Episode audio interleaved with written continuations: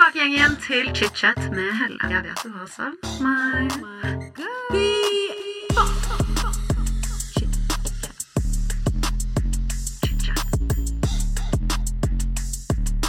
I dag får jeg besøk av YouTuber, TV-personlighet og influenser Agnete Husby. Du kjenner henne kanskje bedre som Agnetesh. Hun er for tiden aktuell med Kompani Lauritzen. Og hvis du ikke har sett på det, så har du kanskje sett henne i 71 grader nord, eller Skal vi danse, eller på YouTube. I dag får vi høre en mer personlig side av Agnete, som ikke jeg har sett eller hørt før. i hvert fall. Vi snakker bl.a. om oppveksten hennes, kjærlighetslivet, tanker rundt det å ikke ville ha barn, og management split. Hvis du har hørt episoden med Victoria Skau, så forstår du kanskje hva jeg refererer til når jeg sier management split. For Agnete har også tidligere vært i Splay, et kjent management her i Norge, og hun forteller i dag om mye snuskerier, for å si det sånn, som har foregått i kulissene. Velkommen tilbake til chit-chat. Agnete, velkommen til chit-chat. Tusen takk. Nydelig. Du er jo aktuell med Kompani Lauritzen. Ja, stemmer. Veldig gøy. Ja. Det er gøy. Vi snakket jo litt om dette før vi begynte innspillingen nå, men jeg må bare spørre, er det sånn at når man er med i Kompani, at du blir sendt hjem sporadisk, eller er alle der til innspillingen er ferdig? Nei, eh, man blir sendt hjem. Altså, Du blir sendt hjem enten kvelden du ryker, eller eh, dagen etter. Det kommer an på når liksom, togene går. Eh, Så det er eh, det Man må bare eh, Til vanlig da, så ville man kanskje hatt en lav profil til de tidligere årene, men vi ble jo ikke offentliggjort før i november, og vi var der i september. Så det var på en måte ingen som visste at vi egentlig var der. Så det var ikke noe sånn man er skjult når du kom hjem uansett. Oi, ok, det er litt gøy. Mm. Mm, men var det gøy å være med på Ja. Det er litt sånn, jeg føler det er en litt sånn bipolar opplevelse. Fordi det er både dødsgøy, og jeg elsket det. Og det er egentlig det jeg sitter igjen med nå, da, men nå har jeg liksom fortrengt alt det vonde. Det var jo også helt forferdelig. Altså, Jeg mener virkelig at jeg tror det er mitt verste mareritt. Egentlig, For det ser, det ser litt sånn gøy ut, og de klipper det morsomt, men jeg Ja. tenker jo at det må jo egentlig være sjukt hardt å være med på. Ja, for du liksom, du ser en, ja, ja, en helvetes dag, og ja, ja, ja, så går det litt sånn, og så går det opp der. Men for oss er jo det fra klokka fem om morgenen null Altså bare gønne på til klokka tolv på natta, og du har aldri vært så sliten ever. Og det er sånn Det er én ting å tenke det, men så er det bare å gjøre det. Jeg var sånn, ja, det er noe annet, ass. Så jeg angra mye, og så var jeg veldig glad for det også. Å, herregud. Mest glad. Mest glad. I hvert Ja. fall nå. Ja, ja, når jeg er ferdig, nå er alt bra, på en måte. Ja, det skjønner jeg. Herregud, Vi kommer til mer reality-snakk og YouTube og livet ditt i dag. Men først, la oss hoppe litt tilbake i tid. Ja. Sånn at vi blir skikkelig godt kjent med deg. Ja. Når jeg skulle gjøre research på deg og ditt liv, så fant jeg veldig mye liksom, fra voksen alder. Ja, og bare masse sånn Dater hun nå? Det føler jeg er det eneste det står skrevet om i alle artikler. Sånn, Hvordan går det med datinglivet? Jeg var sånn, nei, det, ja, så det, jeg regner med at det har du fått på deg. At det skjer ingenting. Eller at jeg skal begynne å date. Det er det alltid det står. Det, det var akkurat det jeg vant, faktisk. Helt Det riktig. tror jeg er sånn første Hvis man søker opp Agnetesh eller Agnete Huseby, så er liksom kjæreste det neste som kommer. Jeg skjønner ikke hvorfor folk bryr seg. Folk burde vite nå at jeg har ikke kjæreste. Jeg sliter med sånne ting. Det kommer ikke til å skje med det første. Men liker du ikke å date, eller Nei, er det jeg syns det er dritkjedelig. Jeg har egentlig planlagt en date i morgen, men jeg har tenkt å avlyse. Nei, ikke gjør det! Men det er fordi jeg så i skapet mitt i stad. Sånn, hm, kanskje jeg heller vil rydde skapet i morgen. Å, fy faen. Da har du vært singel for lenge, Altså. Jeg vet det, det er altfor komfortabelt, men jeg bare ah. Men jeg skjønner det. Jeg tuller det litt bort nå, men jeg skjønner det virkelig. Fordi det å dra på en første date, det, det er en blanding av litt sånn sommerfugler og at du har lyst til å kaste opp. Jeg vet. Og så er jeg bare sånn Jeg er så lei, samtidig som jeg ikke har gjort det noe sånn særlig. Jeg bare er lei av tanken. Og så syns jeg det er så kjedelig, og det er de samme spørsmålene alltid. Og jeg er alltid sånn intervju-mode, så jeg føler at jeg egentlig tapper meg skikkelig. Og som regel så er ikke gutter så veldig gode til å De er veldig gode til å snakke om seg selv, men ikke så veldig gode til å spørre. Preach. Ja. og særlig hvis de vet hvem jeg er fra før av, så spør de i hvert fall ikke. Og det er litt sånn irriterende, for det er sånn, det er jo mitt liv, og selv om du kanskje vet litt hvem jeg er, så vil jeg jo kanskje snakke om mitt liv litt, grann, jeg også, ikke istedenfor å bare skyte inn når jeg har spurt noe. Ja. Men det syns jeg er enda rarere. Hadde jeg vært på date med noen som jeg hadde sett litt på TV, eller sånn, Ja. så hadde jeg spurt enda mer og bare latt som Da jeg ikke har du jo visst masse noe. spørsmål klare, egentlig. Da vet Ja. du jo ting du kanskje lurer på fra før av. Herregud. Ja, Very det- strange. How would you like to look five years younger? In a clinical study, people that had volume added with Juvederm Voluma XC in the cheeks perceived themselves as looking five years younger at six months after treatment. Look younger, feel like you. Add volume for lift and contour in the cheeks with Juvederm Voluma XC. Reverse signs of aging by adding volume to smooth laugh lines with Juvederm Volure XC. For important safety information and to find a licensed specialist, visit juvederm.com. That's J U V E D E R M.com. Not for people with severe allergic reactions, allergies to lidocaine, or the proteins used in Juvederm. Common side effects include injection site redness, swelling, pain, tenderness, firmness, lumps, bumps, bruising, discoloration, or itching. There's a risk of unintentional injection into a blood vessel, which can cause vision abnormalities, blindness, stroke, temporary scabs, or scarring. Talk to a licensed specialist to find out if it's right for you. There's never been a faster or easier way to start your weight loss journey than with PlushCare.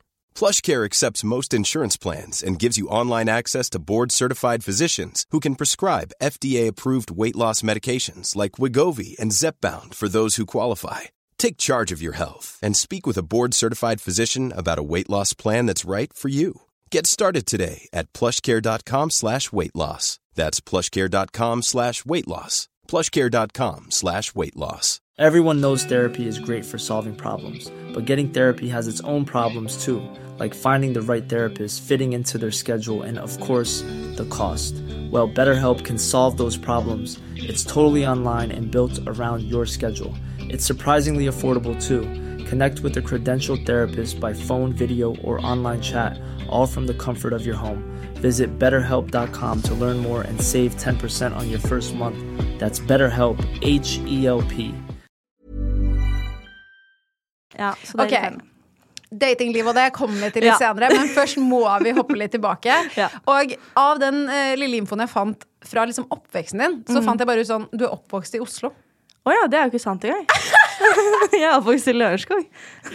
Fjellhamar. Amazing research! Ja. Og nå var jeg god på jobb med, merket. Ja. Men kan ikke du fortelle litt da om eh, oppveksten på Lørenskog, og hvordan det var eh, i deres familiedynamikk? Ja, jeg er fra Eller jeg, har faktisk, jeg er født eh, i Oslo, da, men jeg bodde ikke der så lenge. Det var sånn de tre første årene av livet. Og så flytta til Fjellhamar. Levde liksom livet der. Hadde det koselig. Mamma og pappa skilte seg da jeg var kanskje seks år. Det var egentlig dritchill. Eller for min del var det helt greit. Jeg skjønte at det, det passa best sånn. Eh, Så det var ikke noe problem. Gikk litt på fotball. eh, Egentlig bare hadde veldig rolig, vanlig, veldig vanlig liv. Og så var jeg veldig sjenert. Og veldig sånn, ville bare passe inn, egentlig. Ok, for det syns jeg er litt gøy at du nevnte, for jeg har egentlig lyst til å spørre deg om også da at har du alltid hatt lyst til å bli kjendis? Absolutt ikke. Det har egentlig aldri vært en, et, noe jeg har hatt lyst til. Jeg har bare vært, jeg har vært en veldig kreativ unge da, hele tida. Om det har vært å tegne eller male eller hva det nå er. Sånne type kreative ting. Eller leke eller bygge ting. Hva som helst. Eh, klatre i trær. Eller alt som har med sånn kreativitet eller litt sånn eh, tenketing å gjøre, har jeg elska. Men jeg har på en måte aldri kommet ut av måte skallet mitt før kanskje videregående. Jeg var veldig sånn forsiktig og holdt meg til min liksom, indre sirkel. Veldig. Og så var jeg veldig sånn eh, Veldig anonym for alle andre, da, tror jeg. Så det er veldig mange som nå ser meg hvordan jeg er nå og sier sånn Herregud, jeg husker da du var liten og du var den lille Det er sånn, Ja, jeg var egentlig sånn her, men du så det ikke, for jeg turte ikke å vise det. På en måte. Så, Men eh, nei. gøy at du på en måte kom inn da i den bransjen du er i nå. Ja, det var fordi jeg på ungdomsskolen begynte jeg å leke litt med kamera og klipping og begynte å liksom få en veldig interesse for det da, og ta bilder. Jeg fikk eh, kamera i konfirmasjonen min, og jeg bare sånn herregud, nå skal jeg lage masse videoer, fordi den hadde videofunksjon, som var veldig nytt på et sånt kamera. Så da ble det egentlig til en, bare en hobby som ble oppdaga egentlig rundt der. Og så på videregående så begynte jeg å se på YouTube på liksom engelsk og amerikansk. Og jeg tenkte herregud, når jeg blir stor, så har jeg lyst til å flytte til USA, lære meg ordentlig engelsk, og så skal jeg starte med YouTube. Det var liksom min drøm. Og det var drømmen, ja. ja, ja. Ja, ja. Og så, eh, siste året på videregående, som er da 2014-2015, så fikk jeg en åpenbaring, som var at det fantes YouTube eh, på norsk. At folk drev med det på norsk. Det var liksom, Jeg ante ikke. Jeg klarte ikke å tenke så langt engang. Hvilket år var dette igjen, sa du? Det var 2014-2015, Ja. så det var ikke så veldig mange youtubere da. For meg så følte jeg at jeg kom sent i gamet, egentlig, men jeg har skjønt nå i ettertid at jeg kom var ganske tidlig. Men da var det liksom Hanna Martine drev på, eh, eller av de som fortsatt er da, og Prebz og Dennis, liksom, som var store, og det var noen gamere. Eh, men det var ikke så mye annet. Men jeg tenkte sånn, herregud, det går an å gjøre det på norsk. Det er ikke en så fjern drøm, egentlig. Eh, så jeg bare hadde så mye sånn eh, kreativitet i meg, og jeg hadde så lyst til å lage noe, på en måte. Så når jeg var ferdig på videregående Jeg turte ikke å gjøre det mens jeg var, gikk der. Fordi i Lørenskog så er det veldig sånn Du skal ikke tro du er noe, på en måte. Det der sier så mange youtubere, Ja. eller folk som jobber med sosiale medier, sånn Jeg måtte vekk fra liksom der jeg vokste Ja. opp for å tørre, for jeg turte ikke å gå på skolen på en måte hvis man ble eksponert på Nei, den det var litt det. Og også fordi man hadde sett tidligere at noen folk som hadde vært med på MGP Junior eller noe, ble liksom nesten mobba for det, selv om det var dritkult. Er ikke det Så er det sånn rart? kjemperart. Det ble satt på i kantina, og det var liksom sånn der ha-ha. Og jeg var sånn, jeg var livredd for at det skulle skje med meg. Så jeg var sånn Det skjer ikke at jeg starter mens jeg fortsatt går på skolen. Eh, og så starta jeg da i smug, egentlig. eh, I sommerferien. Etter jeg var ferdig med liksom russetida og alt mulig. Og så sa jeg det ikke til noen på flere måneder. og Jeg la ut en i uka. Og hadde liksom et eget hemmelig liv. Følte meg litt som Hannah Montana, egentlig. At jeg var vanlig på gata, og så var jeg sånn Ingen vet om min hemmelighet. Og så Eh, Men så delte jeg den Det fantes sånne Facebook-grupper før som var sånn norske youtubere eller del dine videoer, norske youtubere, et eller annet sånne greier. Og jeg hadde sjekka gjennom de listene, at det var ingen jeg kjente som var der. Så der delte jeg liksom mine første videoer, da. Og da ble den liksom litt oppdaga at en her og der. Og så fikk jeg noen tips, og så var det egentlig en veldig sånn fint community der inne. Og jeg kjente til ingen som var der. Jeg liker Og at du gikk gjennom hele listen av alle Ja, det var sånn 350 stykker. Men allikevel så var jeg sånn, jeg må bare dobbeltsjekke at det er ingen som egentlig vet hvem jeg er, eller at jeg liksom, ja, noen kjenner meg, da. Det beviser bare hvor sterk janteloven står, da. Jeg vet det. Det er veldig rart. Og når jeg ser Egentlig tilbake på nå, så er det Ja. Ja. Og så gikk det noen måneder, da, og jeg hadde fått liksom en del hundre abonnenter, da, og syntes det var dødsfett. Og egentlig så var jeg bare glad for at noen likte det jeg gjorde, ikke fordi at det var så fett med følgere. Jeg var sånn, herregud, jeg får liksom bekreftelse på at det jeg gjør er bra. Som jeg egentlig ikke hadde funnet litt sånn tidligere i livet. Da. Jeg har alltid vært sånn, nå jeg fått meg på fotball, det gikk ikke så bra. Prøvd meg på skuespill, jeg turte ikke det for jeg var for sjenert. Altså prøvde meg på veldig mye, og det gikk ikke så bra. Og nå endelig fikk jeg på en måte til noe, da, så veldig sånn deilig følelse. Så da la jeg det på Facebook etter liksom, jeg hadde holdt på med det nesten et halvt år. Og, liksom kom Og ingen ut. hadde oppdaget det? Jo, det var noen venner her og der som bare sånn Herregud, er dette her deg? Jeg var sånn Ja, det er meg. Men det var liksom mine nærmeste som visste det, da. Og så liksom la jeg det ut for offentligheten da. Eller offentligheten, det vil si min egen Facebook. Eh, ja, etter et halvt år. Og da kom jo de kommentarene som jeg visste at kom til å komme. Som jeg liksom skjerma meg selv for da, tidligere. Hva var det?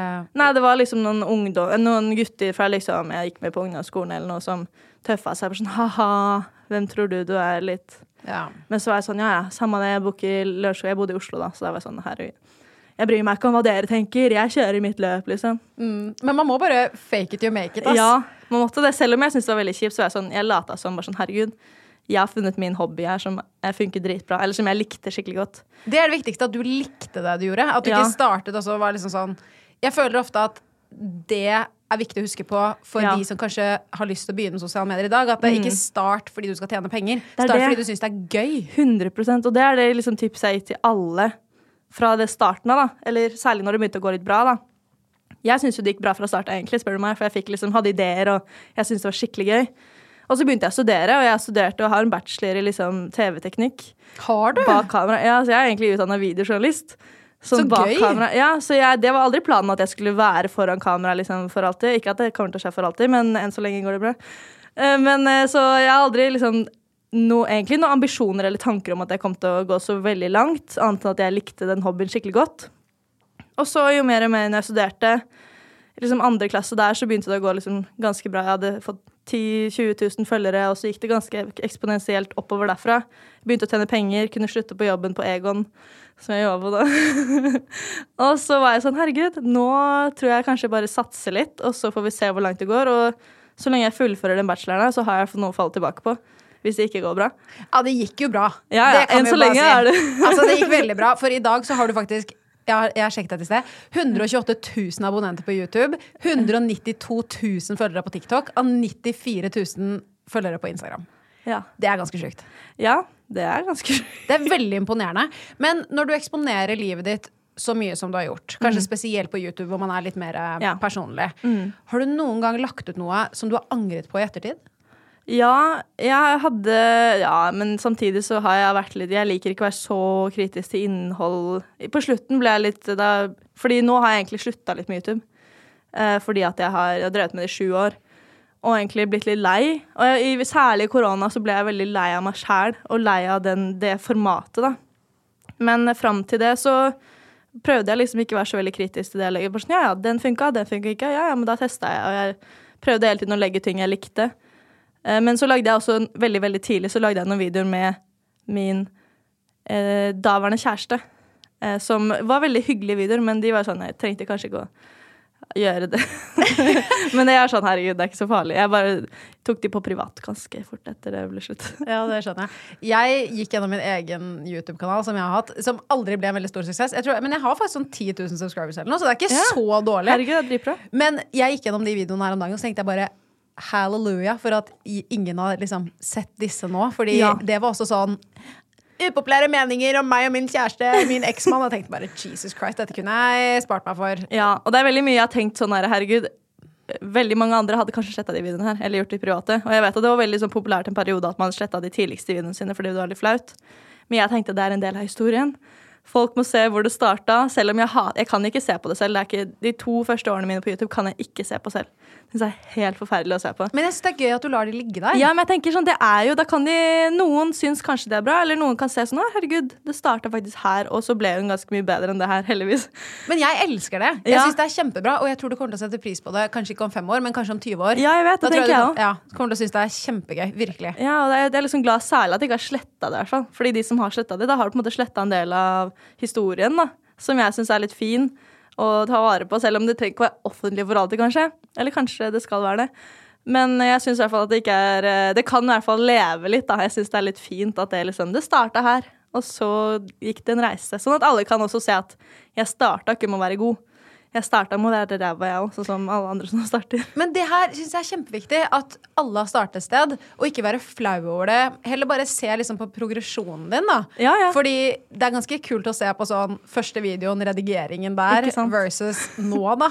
Ja. man, man føler kanskje at det, å, det, har jeg har gjort det samme i alle år, men det er ganske sjuk forskjell på første og siste. Altså. Og så er man ganske sånn, i hvert fall da jeg startet med YouTube, var jeg sånn jeg er cool med det kameraet, for å si det sånn. Jeg er dritchill foran kamera. Dette var null problem. Og så ser jeg tilbake på sånn, herregud, hvem er det som sitter der? Jeg, ikke, jeg kjenner ikke den personen engang. Fordi det er, du er ikke deg selv egentlig, selv om du tror det er. Eller i hvert fall for meg, da. Jeg trodde jeg var meg selv, men jeg prøvde jo å være en eller annen jeg ikke var. Det var liksom fake it till you make it, og så ja, ja. til slutt så ble du meg. Eller så glei det over til å bli liksom ekte, da. Så Nei, det er eh, det er rart det der hvordan man på en måte får en egen persona litt. Ja. Jeg hadde veldig det før. Nå føler jeg litt mer meg selv, men jeg lager også litt en persona. Selv Ja. her i chit-chat også, så er jeg veldig sånn Jeg må, må være litt på, man må Ja, være litt ekstra. Uh, og jeg er jo sånn som jeg er her, mye mer enn det jeg startet med for mange år siden selv. Men uh, ja, nei, det er eh, rart hvordan man bare er sånn Ok, det er litt ukomfortabelt, men da bare tar jeg på meg litt sånn en maske, og så kjører vi på. Ja. Og så må man bare prøve å få det til å bli mest mulig seg selv, da. Nå snakker Ja. jeg veldig for meg selv, kanskje. Jo, men det ja. er akkurat sånn for meg òg. Og så føler jeg Fordi når de ser meg på YouTube, så ser de jo meg, og det er meg 100% Men det er ikke 100% av meg. Det er en liten del av meg som er ekte, men det er ikke alt. På en måte. At jeg er også veldig chill og egentlig superintrovert. Og, eller sånn at jeg er utadvendt, men jeg liker å chille alene og, og ikke gjøre noe, ikke snakke med noen. Og øh, syns jo det er fint å Jeg er 100% meg, men at det ikke er hele meg. Og det syns jeg er litt fint òg, at måte, hvis man kjenner meg, så kjenner man til det man ser på TV og, og sånn, at det er 100% meg, men de kjenner på en måte en større del av meg som på en måte rommer litt mer, da. Så Som jeg syns er også er veldig greit. Ja. Og jeg syns at det der er også viktig å tenke på når man ser på andre på sosiale medier. At Mm. man ikke man, man plukker bare sånne småbiter, og så lager man seg en forståelse av en personlighet. Absolutt. Men det er veldig ofte langt fra realiteten. ja, ja, ja. Også i hvert fall spesielt folk som har vært med på reality, fordi reality mener jeg er fake. Fordi Ja, ja. det er veldig mye skriptet, det er veldig mye det klippes annerledes enn det det faktisk var. Og Ja. jeg bare tror at vi må ha det i bakhodet at veldig mye reality, spesielt fra USA, er total fake. Ja, ja, og selv om kanskje de situasjonene har skjedd, så er det jo på en måte de som klipper det også, som lager hvilke historier de føler er viktige, og så fjerner de det som de ikke tenker at det gjør historien viktig, eller at det, å ja, de ordna opp, men det vil vi ikke ha med. Så det på en måte, det blir jo eh, lagd til en historie, selv om det som skjer egentlig er sant, så betyr det at det var kanskje ikke hele sannheten, egentlig. Man må, det er mye mer nyanser, og det gjelder egentlig alt av norske greier. Og selv om de ikke klipper det feil, så klipper de jo De velger hva som vises, og hva som ikke vises. på en måte. Veldig. Jeg ble jo klippet eh, som David sin kjæreste i Alle elsker David. Eh, det, blant annet hvor jeg våknet. Jeg hadde fått 50 SMS-er sikkert. Hvor folk Ja. var sånn Hva faen har du og min forlovede slått opp? Liksom. Dater du David? Jeg bare hæ? Og da har de klippet det sånn at Andreas sin synk kommer inn og er sånn Jeg skal ikke noen ny stemor. Og så er det jeg som står og klemmer David da Ja, på ja, ja. en lanseringsfest for beautybloggerne sin ja. Så virkelig, det kan klippes akkurat på den måten som TV-folka vil at det, Det skal bli sett. Hva som er mest interessant, eller hva de føler at denne historien må vi fortelle. ikke sant? Så ja, det er ikke alt som er helt uh, som det ser ut som. Nei. Men navnet Agnetesh, Mm. hvor kommer det fra? Det er mange som spør om det. det egentlig, jeg skulle ønske jeg hadde et kult svar.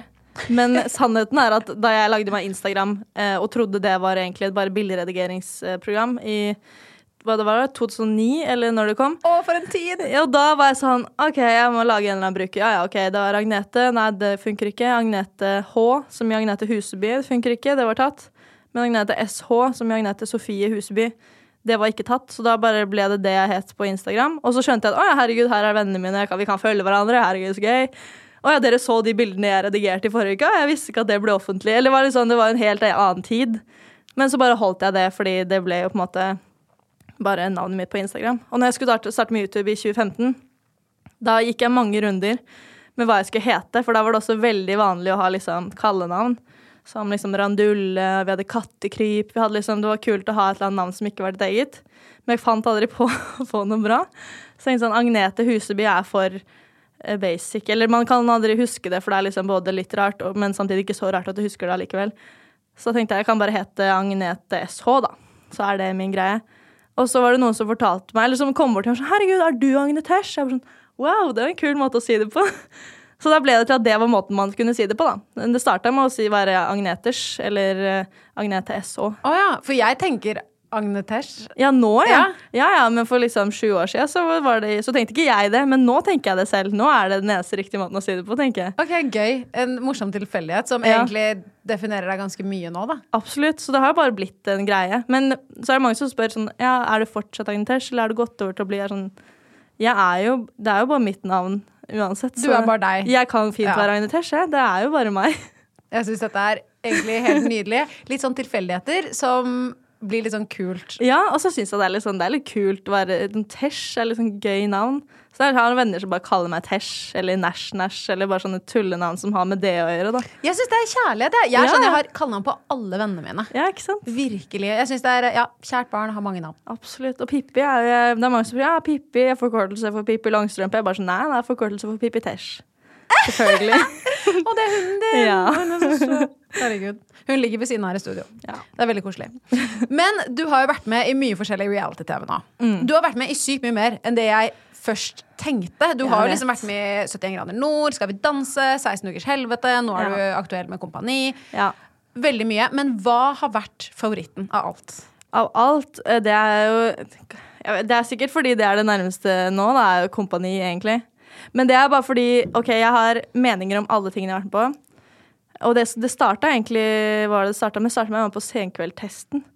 Som var i 20, starten av 2020. Det var min første sånn type reality som ikke var helt reality, men på en måte. Eh, Så det var litt sånn gøy. Det var veldig mye kødd. Eh, Og så var det Skal vi danse. Men det var veldig koronasesong, da. Det var liksom 2020. Vi måtte være i karantene hele tida. Og det var nytt produksjonsselskap i tillegg, så det var veldig mye sånn oppstartsproblemer egentlig med hele det greia der. Så den var egentlig den jeg likte minst.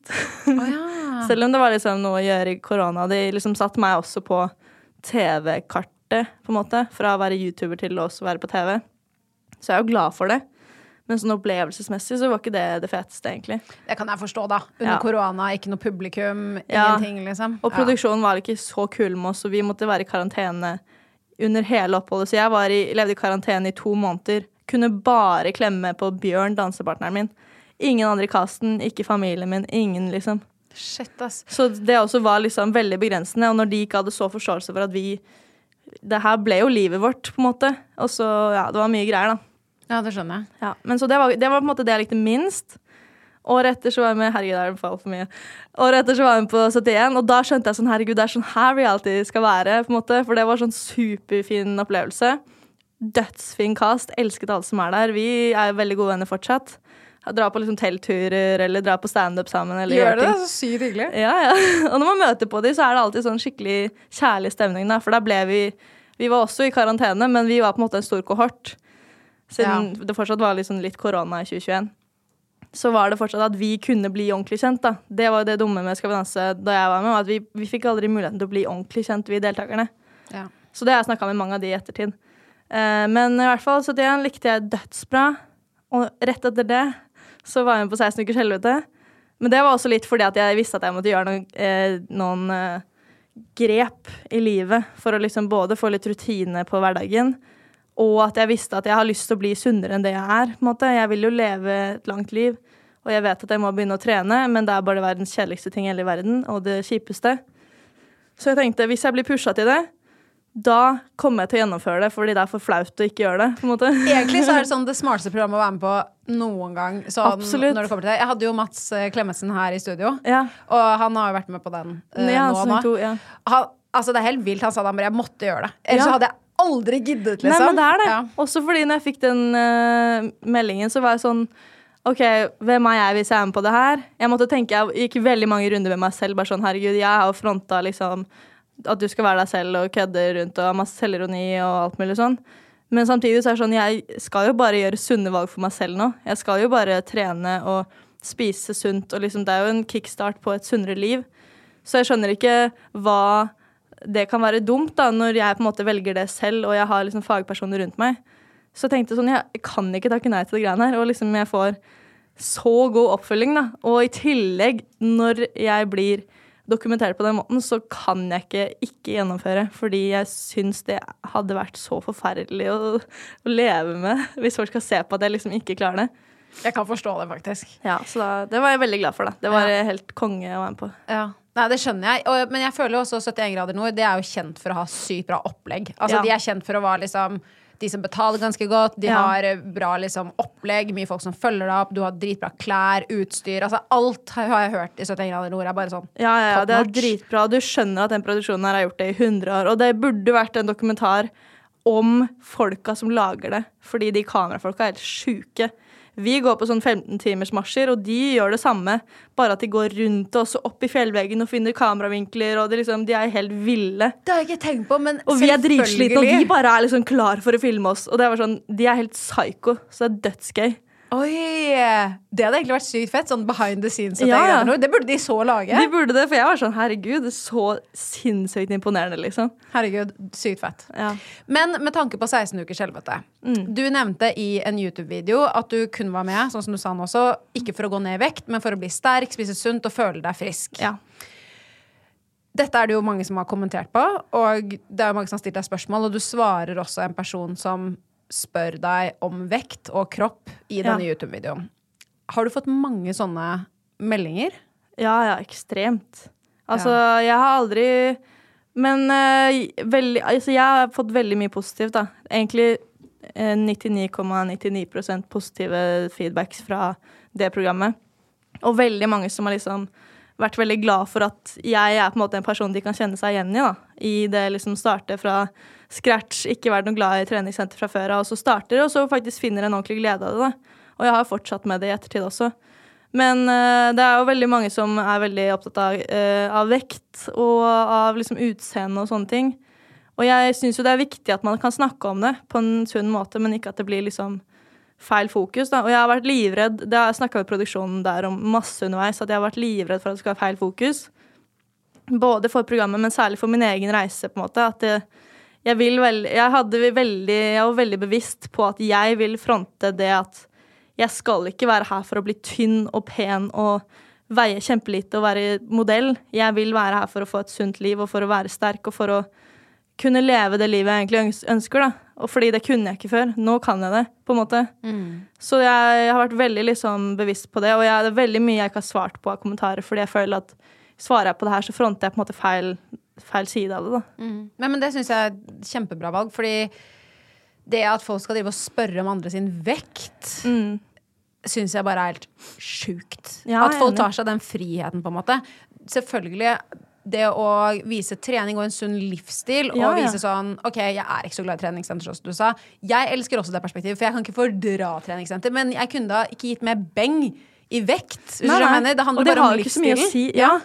Og folk er jo bygd opp forskjellig, så vekten har på en måte egentlig ikke så mye å si på hvordan kroppen din er sunn, på en måte, eller hvordan den ser ut egentlig, for den saks skyld. Så da følte jeg sånn Jeg må bare på en måte velge litt hva jeg Jeg, var, jeg måtte gå veldig mye i meg selv, da. Både før jeg var med på det, og underveis, og særlig når det kom på TV. Men heldigvis, da, så ble det på en måte klippet veldig fint, sånn jeg håpet det. Ja. Og at også folk så på en måte de riktige sidene av det. Ikke i starten, nei, vi har veldig mye kritikk i starten, men det visste jeg at kom til å komme. For at selvfølgelig, hvis du lager et program om, om kropp, og, eller ikke om kropp egentlig, da, men om helse og gå ned i vekt og disse tingene, så blir det selvfølgelig litt sånn dramaskrik. Uansett hva det hadde vært. Uansett om folk ser programmet eller ikke.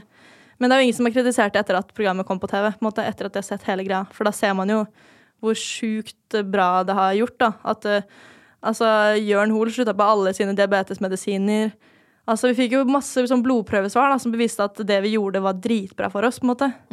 Så da føler jeg sånn Jeg er veldig fornøyd med at jeg kan vise det. Er sånn, Herregud, se her! Jeg gjorde det bare kjempebra for meg selv. på en måte.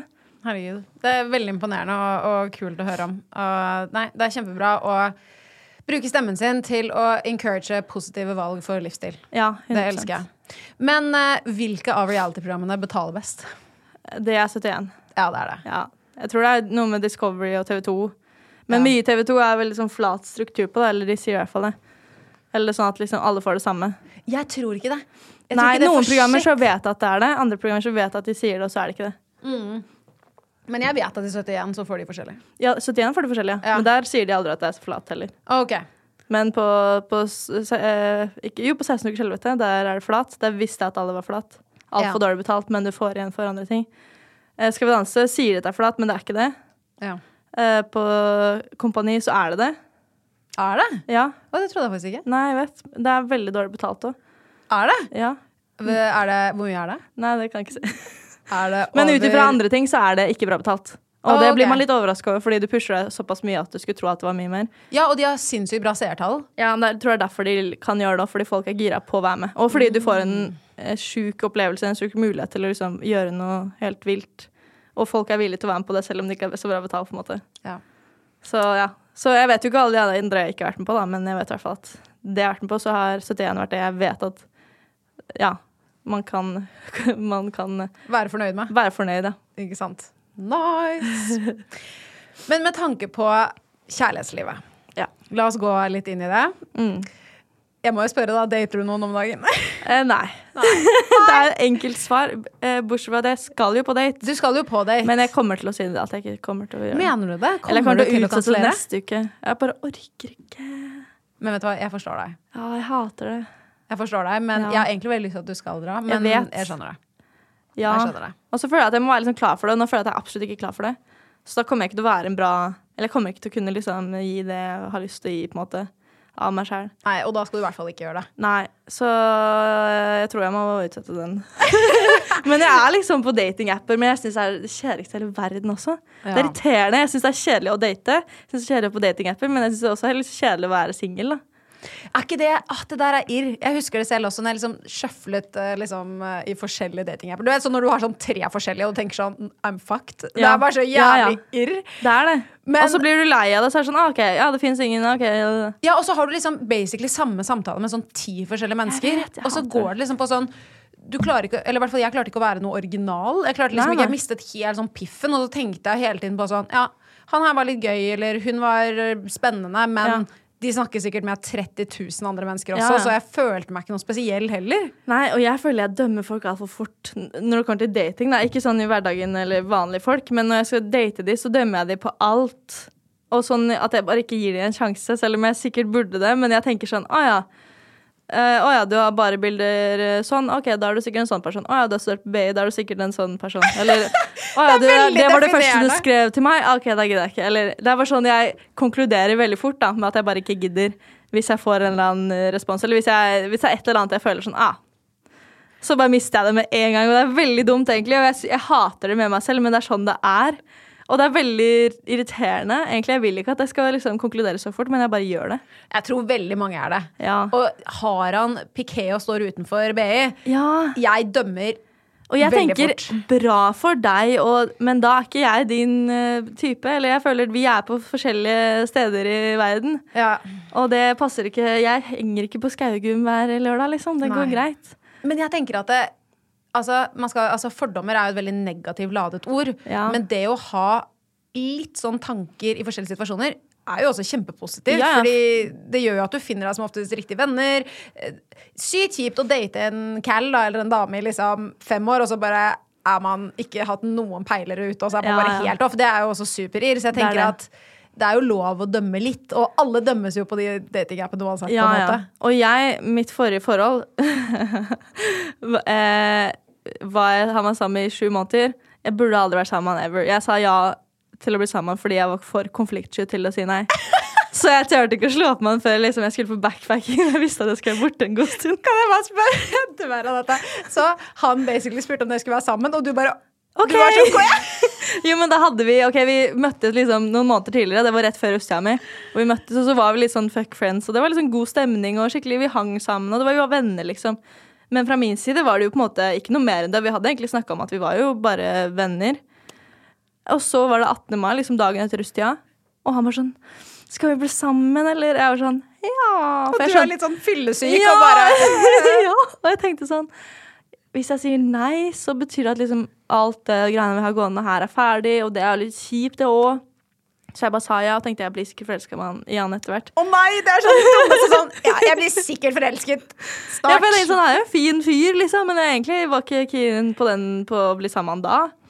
Jeg tenkte sånn, Kanskje i framtida hvis vi går den veien, men det var sånn altfor brå start for meg. da, Men jeg var bare sånn Ja, det kan bli godt. Men det her, altså, jeg har gjort akkurat det samme. Det er derfor jeg Ja. ler meg i hjel. Ja. Fordi den derre Og så har man ikke jeg, Min verste Eller det verste jeg føler jeg kan gjøre mot noen, er å skuffe dem.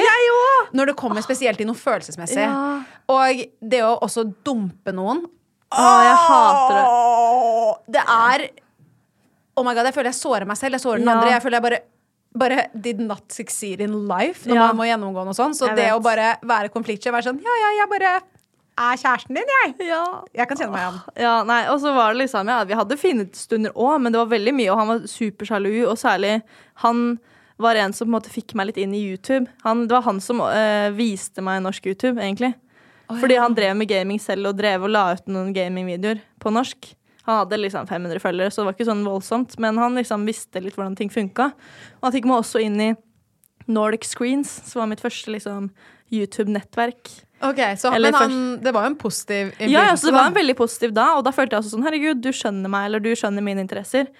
Men den sjalusien du nevnte, Ja, den er er kanskje ikke helt heldig. Nei, og så starta jeg med YouTube, og så da var vi fortsatt sammen, og vi la ut, jeg la ut noen videoer og sånn, og så gikk jeg forbi han i følgerantall, og jeg ble invitert inn i Nordic Screens, og han Jeg ble invitert på YouTube sosiale ting, og han ble ikke invitert på det, fordi han var ikke egentlig så aktiv, og og så ville ikke han at jeg skulle dra på det. Jeg bare sånn, herregud, nå har han endelig fått kommet inn i varmen her. Du må jo være glad på mine vegne. Og så var det liksom veldig mye der, da, så det på en måte, han holdt meg litt tilbake. Eller han prøvde. Men da ble det veldig mye konflikt, og da ble jeg veldig sur på at han ble sur for at jeg skulle gjøre noe som var skikkelig kult og gøy for meg når jeg endelig liksom hadde fått noen muligheter. Men det skjønner jeg. Ja, så det var veldig mye sånt, og da var jeg sånn, det var veldig mye Jeg, jeg var ikke konfliktsky på absolutt alt, men samtidig så er det sånn, jeg burde bare aldri vært sammen. Nei, Det er jeg helt enig i. Det å være sånn smålig, og Ja. heller ikke se liksom, mulighet til å være glad på andre sine Ja, vegne, det syns jeg, noen ja, det syns jeg er skikkelig uting. Det er sånn Ja. det mest usexy ever. Jeg vet, Særlig når jeg visste liksom hvor mye jeg hadde lyst til det. Ikke fordi jeg skulle noen vei, men bare fordi det var, det var en så stor eh, drive inni meg. da, som ville, Og når jeg først hadde starta, og det gikk bra, og jeg ble liksom invitert inn i varmen, så var ikke det plutselig så kult allikevel for han. på en måte. Så det var sånn, ja, det var skikkelig dritt. Men så slo jeg opp med han, og så dro jeg på backpacking, og så begynte jeg å studere. Så du, du var sånn, du slo opp og så var det sånn Jeg tror ikke vi kan være kjærester mer, og jeg drar i morgen. Men ja, det var, jeg, jeg drar om to uker. Men eh, da hadde Jeg husker ikke helt hva som skjedde, da, men det var veldig mye konflikter hele tida. da. Og så var han alltid veldig sjalu, og hvis jeg ikke sendte han meldinger hver eneste helg, hvis vi ikke var sammen, så var det feil. Og da var jeg også sånn Jeg kan ikke dra på backpacking i liksom tre og en halv måned, og du skal sitte og forvente at du skal få oppdatering. Det går ikke, liksom. Det funker ikke sånn. Så da var jeg veldig streng og sa hvis du ikke skjerper deg nå, så må vi gjøre det slutt. Hvis ikke så går det ikke. Og så sa han bare sånn ja, jeg skal skjerpe meg. Og så bare gråt han, og så skjedde ingenting. Og så ble det sånn nei, vet du hva, det går ikke. Men der syns jeg du var sterk. Ja, der følte jeg meg sterk. Men da var jeg også, etter det var jeg livredd for å gå inn i et nytt forhold hvor jeg hadde den samme greia. Jeg tror det er derfor jeg fortsatt Jeg har ikke vært i et forhold siden det, og det var 2016. Å ja, det, er- du har vært singel en god stund, da. Ja, så nå har jeg blitt altfor god til å være singel. For det første. Og for det andre så har jeg lenge da vært veldig redd for at konfliktskyheten min Nå er den ikke like sterk, da, men det er det også. At jeg har vært redd for å komme i samme situasjon, at noen liker meg bedre enn jeg liker de. Og jeg ikke tør å si nei, på en måte, fordi jeg er så redd for å skuffe noen, eller fordi jeg liker ikke at folk eh, føler seg dritt, liksom. When you're ready to pop the question, the last thing you want to do is second guess the ring. At Bluenile.com, you can design a one of a kind ring with the ease and convenience of shopping online. Choose your diamond and setting. When you find the one, you'll get it delivered right to your door. Go to Bluenile.com and use promo code LISTEN to get $50 off your purchase of $500 or more. That's code LISTEN at Bluenile.com for $50 off your purchase. Bluenile.com code LISTEN. Want to get a chiseled look in the jawline? Sculpt and shape your jawline with added volume from Juvederm Volux XC. Juvederm Volux XC is an injectable gel specifically designed to be robust enough to improve moderate to severe loss of jawline definition. And it is the first and only hyaluronic acid filler approved for the jawline. Add volume to your jawline for a chiseled look with Juvederm Volux XC. For important safety information and to find a licensed specialist, visit juvederm.com. That's J U V E D E R M.com. Not for people with severe allergic reactions, allergies to lidocaine, or the proteins used in Juvederm. Common side effects include injection site redness, swelling, pain, tenderness, firmness, lumps, bumps, bruising, discoloration, or itching. There's a risk of unintentional injection into a blood vessel, which can cause vision abnormalities, blindness, stroke, temporary scabs, or scarring. Talk to a licensed specialist to find out if it's right for you. Visit juvederm.com. That's J U V E D E R M.com.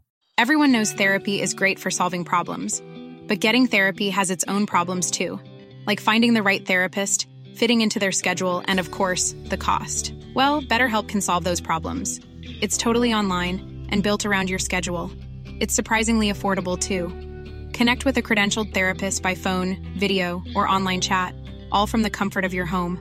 Visit betterhelp.com to learn more and save 10% on your first month. That's BetterHelp H E L P.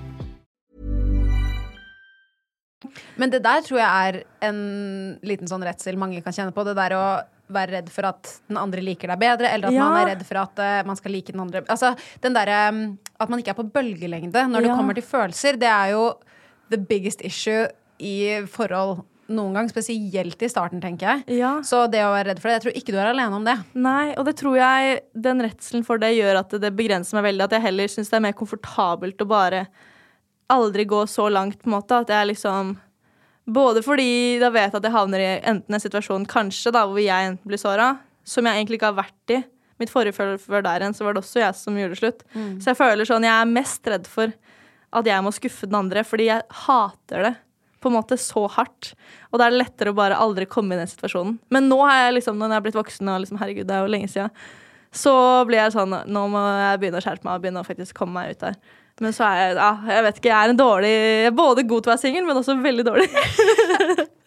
Men det der du sa nå om at eh, du er alltid den som har slått opp med den andre. Ja. Jeg har også alltid vært den personen. Ja. Så jeg har tenkt på det sånn nå i voksen alder. Jeg har jo kjæresten nå, da, men jeg kommer aldri til å orke å gå fra han. Han må dumpe meg. Altså, Jeg orker ikke, liksom. Bare sånn tanken på å skulle skuffe han, Ja. liksom. Hvis, nå skal vi jo Jeg vil ikke gå Nei, fra han. Jeg vil bare at det skal Men ja, jeg skjønner deg sykt godt. Og kanskje folk som har blitt dumpet, hører dette og er sånn Herregud, så teite dere er, på en måte. Ja. Det vondeste er jo å bli dumpet.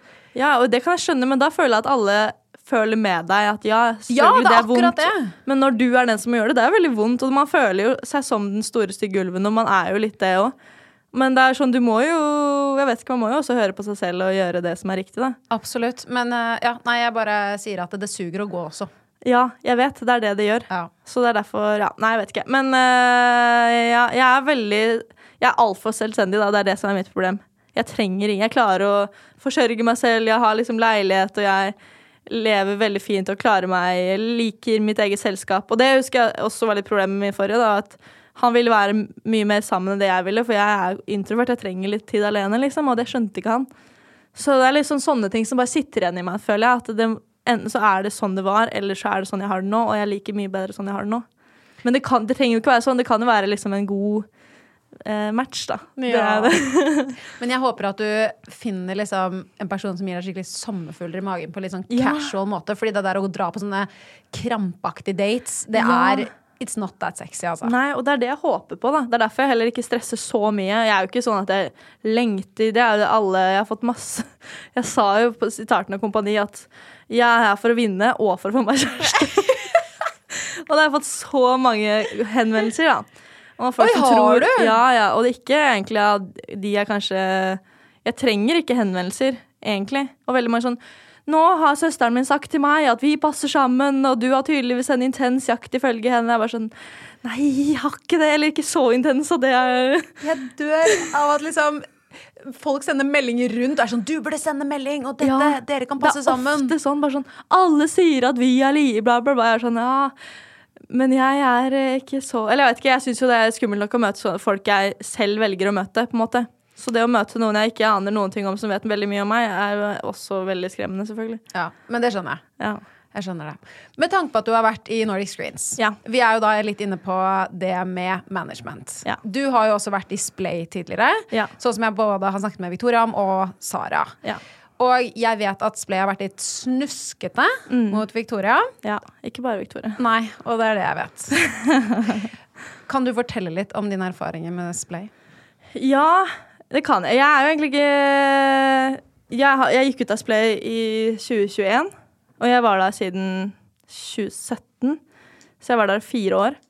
Og egentlig litt for lenge. Det starta veldig bra, da. Fordi det, det var liksom På den tiden 2017 så var det ikke så veldig mange muligheter. Da var det Nordic Screens eller det var Splay.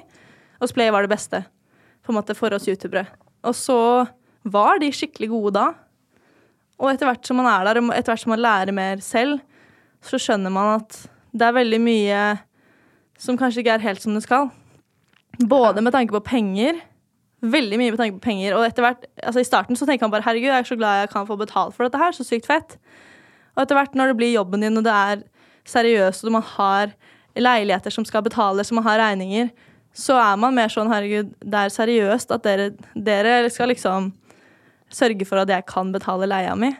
Eh, og de siste, det siste året jeg var der, eller i hvert fall de siste to årene kanskje, så ble det mer og mer liksom ting som kom litt opp eh, i lyset, da. Som man skjønte at det var ikke helt det er ikke helt bra, det greiene her. Er det da litt sånn som jeg snakket med Victoria om, at uh, for eksempel da, de har booket en jobb, og så er det den kunden betaler en viss sum, og så tar management en mye høyere prosent Ja.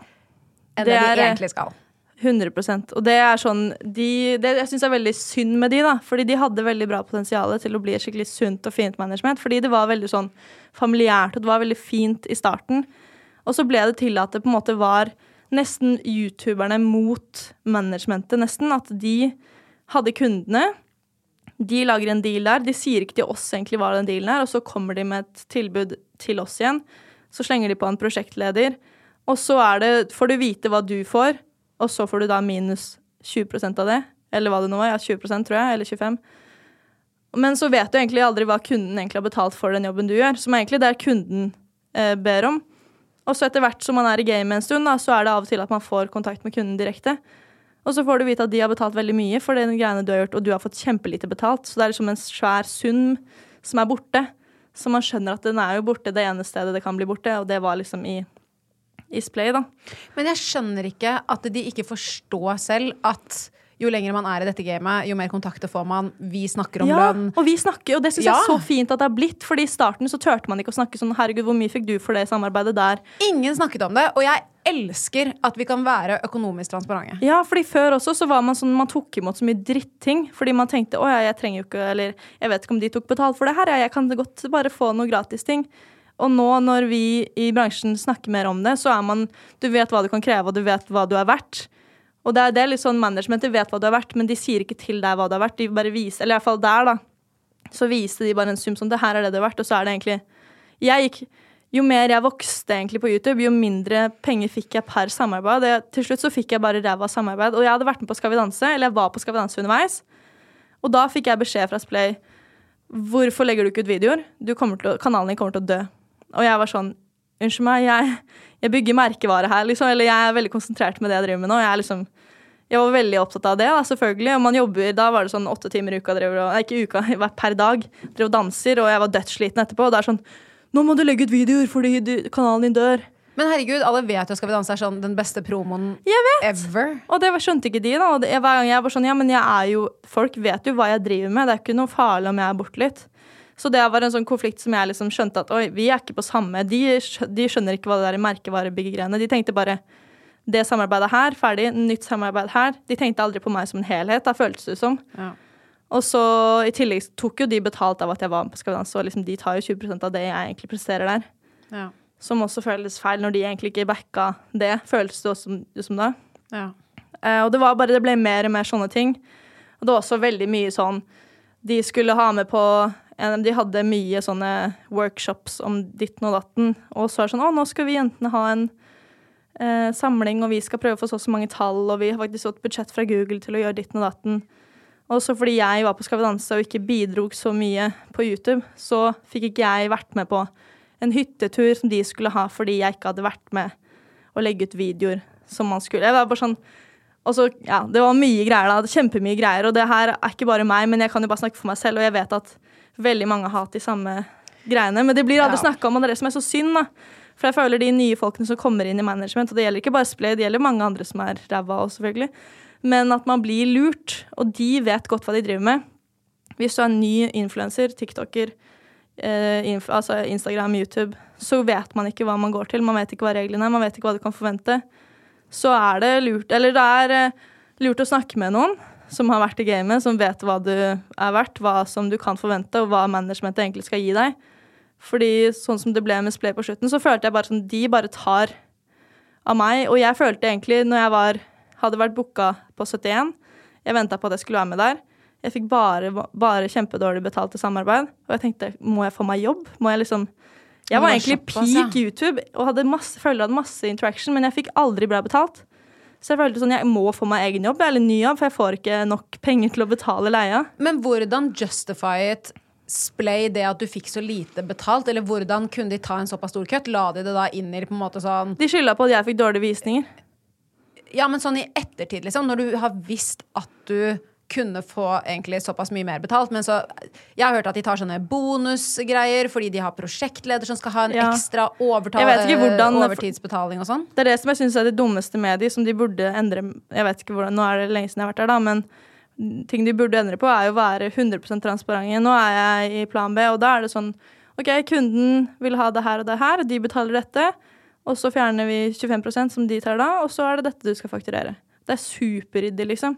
Og det er alltid Det er liksom aldri noe Og så er det en prosjektleder som er der, og så er det den personen som skal ha, og så er det en regi som kan hjelpe deg med ideer. Og så tenker du at det bare er sånn, så hyggelig at de kan hjelpe meg, men så betyr jo det bare at da kan de legge mer penger på det. Ja. Og det er sånn, ja, det er litt sånn shady måte å styre på, da. Og særlig også hvis man kritiserer dem, så blir det, så blir det jo headhunta nesten. Bare Ja. sånn, du kan ikke si det, hva mener du?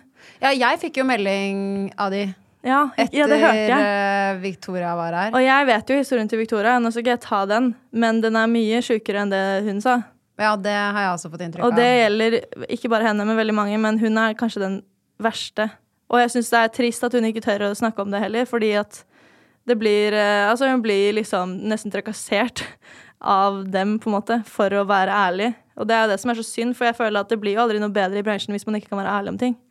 Nei, jeg tenker at det er kjempeviktig, spesielt for de som er yngre nå, og kommer inn i TikTok og Snap, Ja. eh, og som har kjempestore følgebaser, og som er unge. Som har vært masse, Ja. og som blir utnytta. Og det er det jeg syns er så sykt dritt, at de skal få lov til å bli utnytta. Bare fordi de får beskjed om noe fra ett sted, og så tenker de de har jo gjort det her lenge, de kan sannheten, og så er det egentlig ikke det som er sannheten. Det syns jeg er skikkelig trist, da. Ja. Nei, eh, jeg syns også det er megatrist. Jeg skal bare si det at eh, Splay sendte meg en melding på Instagram og basically inviterte meg på en guidetur hos de. Hvor jeg kunne på en måte dokumentere og se hvordan de jobbet. da. Ja. Jeg valgte ikke svare og respondere, eh, så dette er jo da bare det Dette er fra vår side av saken, for å si det på den måten. Jeg har heller ikke ønsket å være i eh, kontakt med de. Nei. Så jeg vil bare få sagt det for clarity for podden sin skyld. Ja. At dette er vår side av saken. Og 100%. det kan hende de har en annen virkelighet. Absolutt. Men og jeg jeg må- snakker bare om mine egne erfaringer. Ja. Og jeg har jo hørt andres erfaringer, og jeg vet at det har vært mye greier. Men fra Ja. min side så vet jeg selv at er, selv om jeg har en veldig mye mildere versjon enn det andre profiler har hatt, så er det en ille nok til at det ikke er greit, da. Ja, og jeg må også si at jeg har også blitt kontaktet av andre influensere. Etter Ja. den episoden kom ut, som det. forteller meg Hei, jeg tør ikke å stå frem. Det det, Eh, jeg men det er jeg har opplevd kjipt. akkurat det samme. Ja. Det er det jeg syns er det triste, fordi det er jo ikke sånn at de skal bli skjerma for alt. Og det gjelder, som sagt, det- jeg vet at det ikke gjelder bare Splay, men de blir skjerma eh, for offentligheten, sånn at de som kommer dit, ser bare de glansbildene. Og når ingen tør å si hvordan det egentlig er, så vet de ikke hvordan det egentlig er, eller liksom den litt mørkere sannheten, da. Ja, jeg har snakket med mange i Eller mange og mange, men jeg har snakket med noen i TV-bransjen som ofte jobber med casting, og sånn også, og de kaller jo veldig mange av disse managementsene for luftslott. Som jeg egentlig syns er en ganske god definisjon Absolutt. veldig mange av de. Fordi de ser så kule ut, du tenker at du er heldig som blir signet, og ditt mm. og så bare Når du faktisk er på innsiden, så ser du hvor egentlig ustabilt der. er. De lever fra hånd til munn, og de er helt desperate på å få inn disse pengene som disse unge folkene produserer for dem. Akkurat sånn som når du var på um, Skal vi danse. De trengte at du publiserte videoer, sånn at Ja. du, de kunne ta 20 av Ja, alt ja. det du tjente på dine videoer. Ja, jeg som jeg syns er helt sykt. Når du produserer, du legger ut, du eier kanalen. Jeg bare syns det er helt vilt hvordan managements noen ganger jobber. Ja, jeg vet. Jeg syns det er helt eh, Ja. Og det er bare sånn uproft. Og det, jeg synes måten særlig Nå har jeg bare personlig eh, hatt liksom erfaringer med de, og med liksom Nordic Screens for kjempelenge siden, og Plan B, da, som jeg er i nå. Og særlig da altså, i på en måte voksen alder, hvor Splay og Plan B hadde vært de jeg har erfaringer med, så er det jo helt sinnssykt stor forskjell. Og jeg har skjønt nå, når jeg har gått over til et liksom sunt management, da, som jeg egentlig kaller det, som er veldig De er supertransparente, de er liksom ærlige, og de sier liksom ja, sånn er det, og de vil ikke ha mer, eller de liker deg, eller sånn her får du betalt fordi sånn og sånn, eller det er bare sånn veldig ærlig, da. da det er så syk kontrast da, til hva jeg var vant til. At sånn å ja, herregud, får jeg vite hva totalen er, eller hva kunden egentlig sier. Man er, det er liksom helt sykt, da. Ja, jeg syns også det er helt vilt. Jeg holdt på jo å bli signert til eh, Pullman. Som også er et annet management. Jeg hadde kjempedårlig erfaring med de. Og nå er jeg jo Jeg er ikke signet med Eccentric People, men jeg jobber jo mye med de pga. beautybloggerne og podcast der. Det er sånn natt og dag på kommunikasjon. Der har vi full transparency. Elsker Eccentric People, de som jobber der, verdens hyggeligste. Akkurat sånn som du er. Og det bare Ja.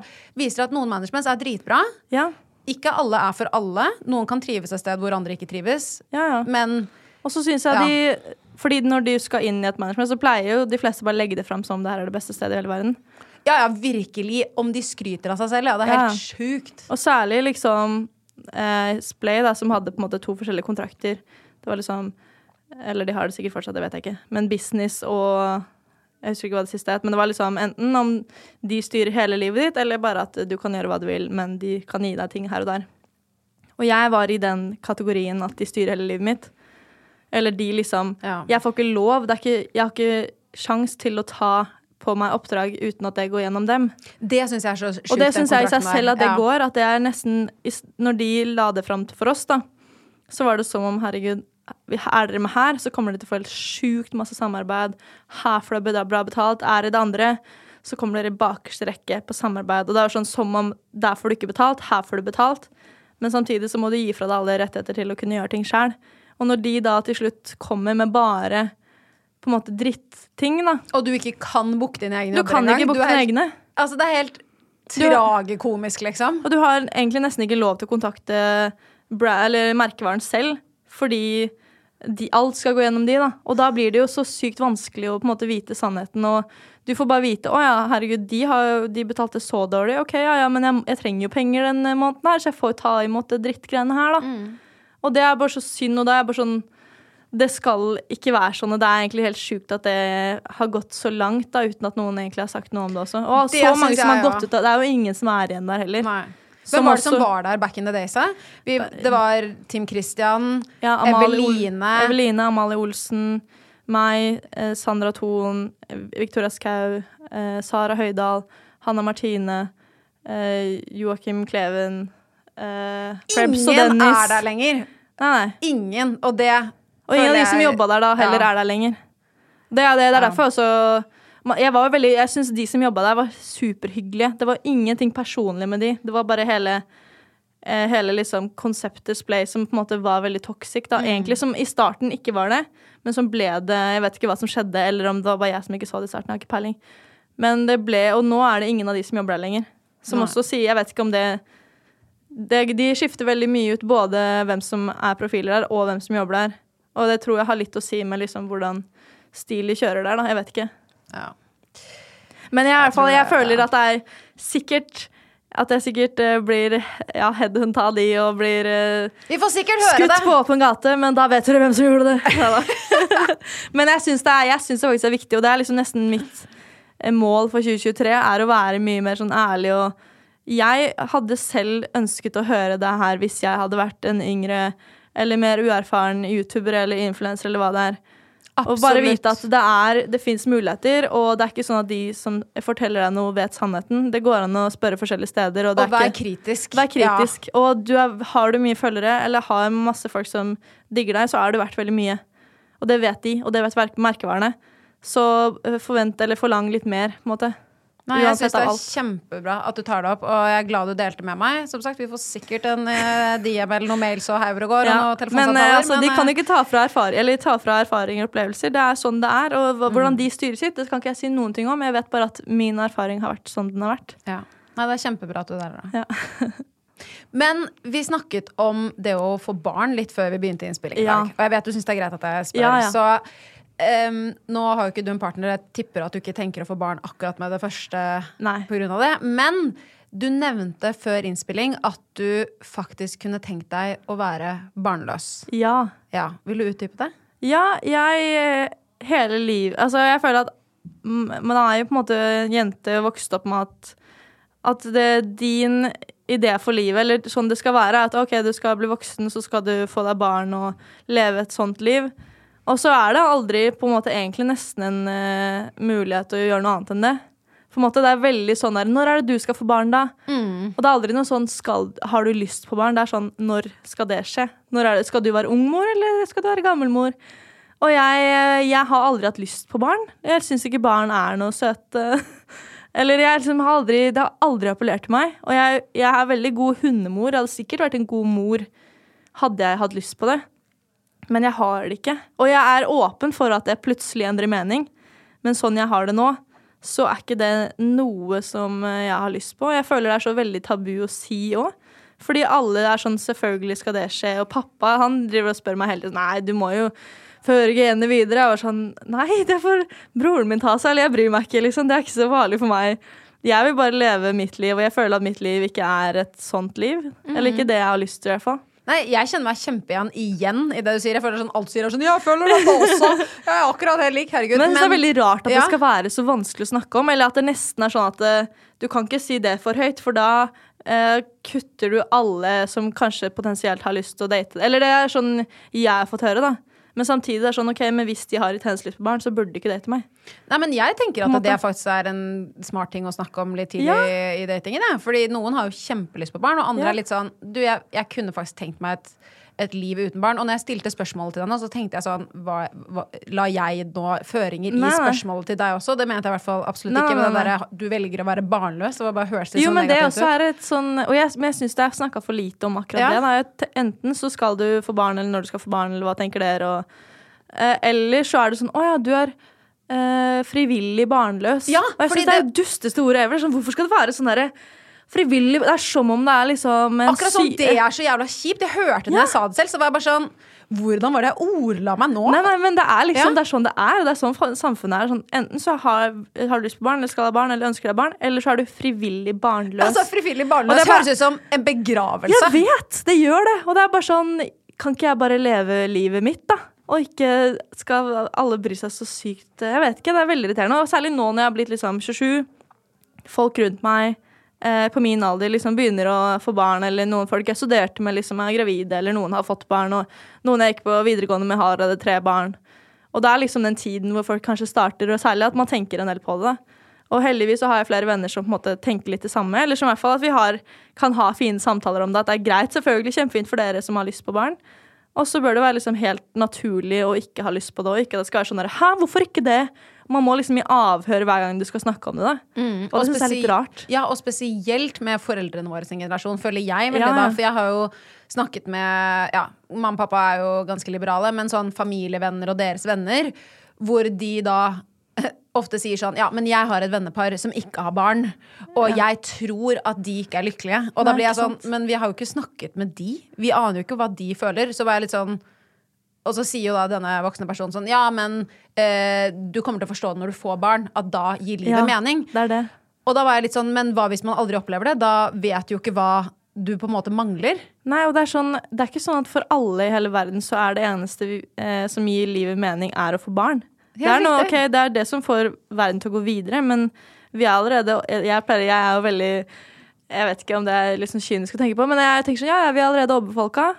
Um, jorda trenger ikke sinnssykt mange flere barn, på en måte. Og ifølge liksom FNs klima... Eh, er nå. så er vi liksom fucked om 40 år uansett.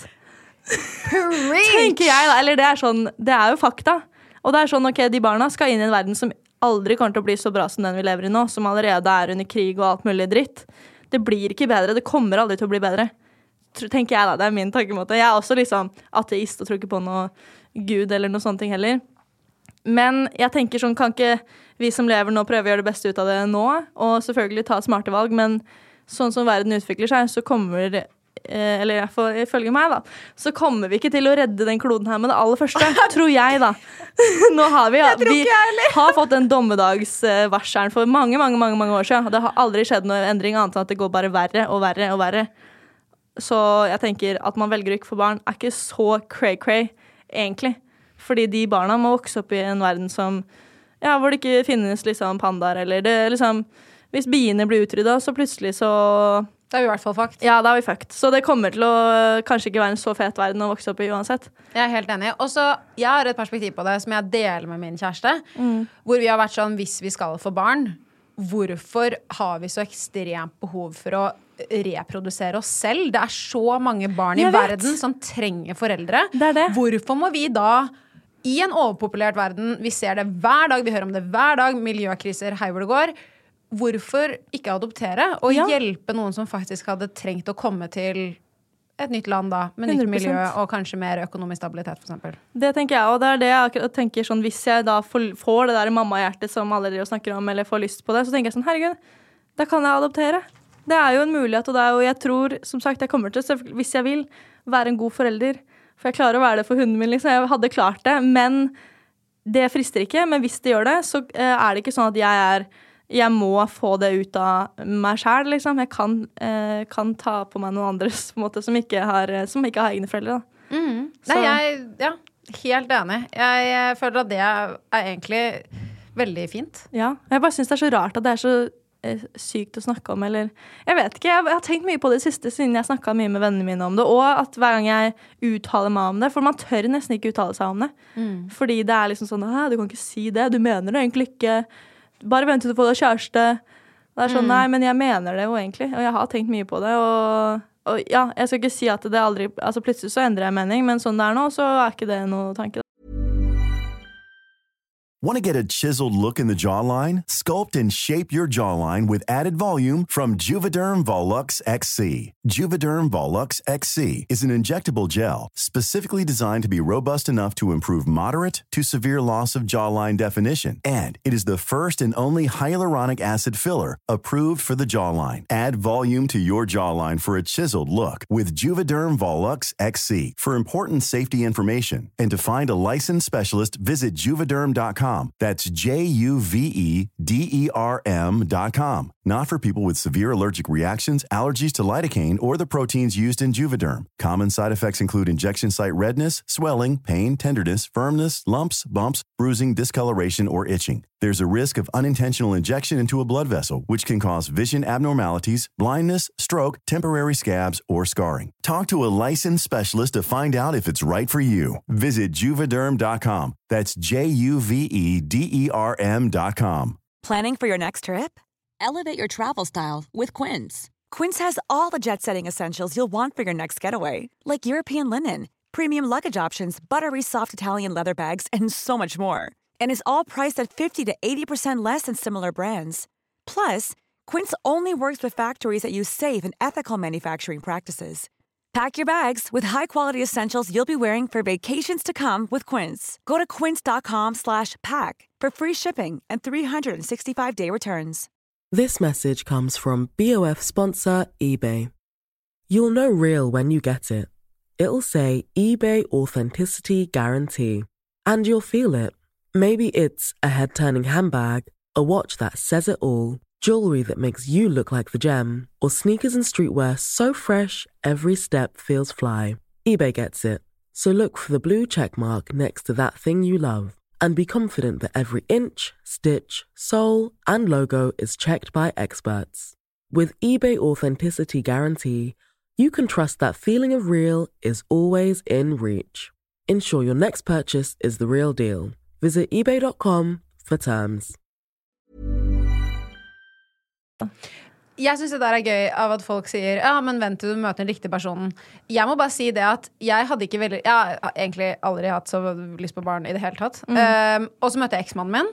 Han hadde lyst på barn. Da hadde jeg kjempelyst på barn. Ja? Men så gikk det jo over, så ble jeg meg selv igjen. Når Ja. forelskelsen gikk over. på en måte Akkurat samme skjedde med partneren min nå. Møtte partneren min, kjempeforelsket. Da tenker sånn, Det er sånn eh, instinkt i hodet mitt som var sånn reproduser, reproduser. Ja, ja. Men eh, det sier seg selv at jeg hadde ikke lyst til å få barn de første seks månedene vi var sammen. Nei. Og nå er jeg back to jeg vil ikke ha barn. Og det er jo bare egentlig evolusjonen som på en måte kicker inn. Og så er jo jeg meg resten av tiden. Så ja, jeg føler at det må være helt greit å si at man ikke har så lyst på barn. Kanskje jeg forandrer mening. Jeg er Ja. også helt åpen for det. Skal aldri si aldri, Fordi Nei, det har brent meg på før. Liksom. Men, ja. men akkurat nå så står jeg også på et punkt hvor jeg bare kunne ikke sett for meg det å få egne barn. Og jeg fyller jo snart 30. Ja, ikke sant? Men det, jeg syns det er fint å snakke litt om. Jeg. Særlig fordi når man, man hører mest om de som kanskje har intens lyst på barn og ikke får det til, eller som ikke har kjæreste, men klokka tikker, liksom. Men tenker jeg sånn, herregud, med Ja, og jeg skjønner det er veldig kjipt for dem også, at det, det er jo en klokke som tikker, på en måte. Men eh, det må være fint å snakke om å ikke ha lyst på det også, uten at det også skal være så veldig vanskelig å snakke om. Nei, det er rart at det er så vanskelig å snakke om, for det er egentlig veldig naturlig, det også. Ja, og så er- føler jeg at det er mye um, Grunnen til at man også ikke snakker om det, er fordi at noen er ufrivillig barnløse. Ja. Ja. Og da vil man jo være sånn Og jeg kan ikke sitte her, og så vet jeg at jeg kan få barn, og så tenker hvis noen andre ikke kan få barn. Men så blir jeg litt sånn Alle har sin historie.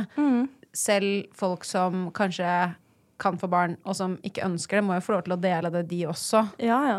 Og det, hele- det er jo bare tanker om livet, liksom. Hva slags liv er det man ønsker seg? Ja. På en måte. Og for meg er ikke det livet med barn, da, egentlig. Mm. Jeg vil oppleve verden, og jeg, jeg, har- jeg syns det er fint og kan heller spre kjærlighet på andre måter enn å måtte bringe et barn til verden. Jeg vet ikke. Nei, jeg syns det er fint, jeg. Ja, de få bra. årene vi har igjen her på jorda. oh, men du, dette har vært en nydelig chat. ja, veldig hyggelig. Ah, avslutningsvis så må jeg faktisk spørre deg, med tanke på at du har gjort så mye. Er det noe du har som mål i 2023, eller noe du skal gjøre? På, sånn på TV, liksom. Nei, sånn generelt i ja, karriere har- i livet. Ja, det skjer. Det kommer til å skje noe framover. Ikke som jeg kan snakke om.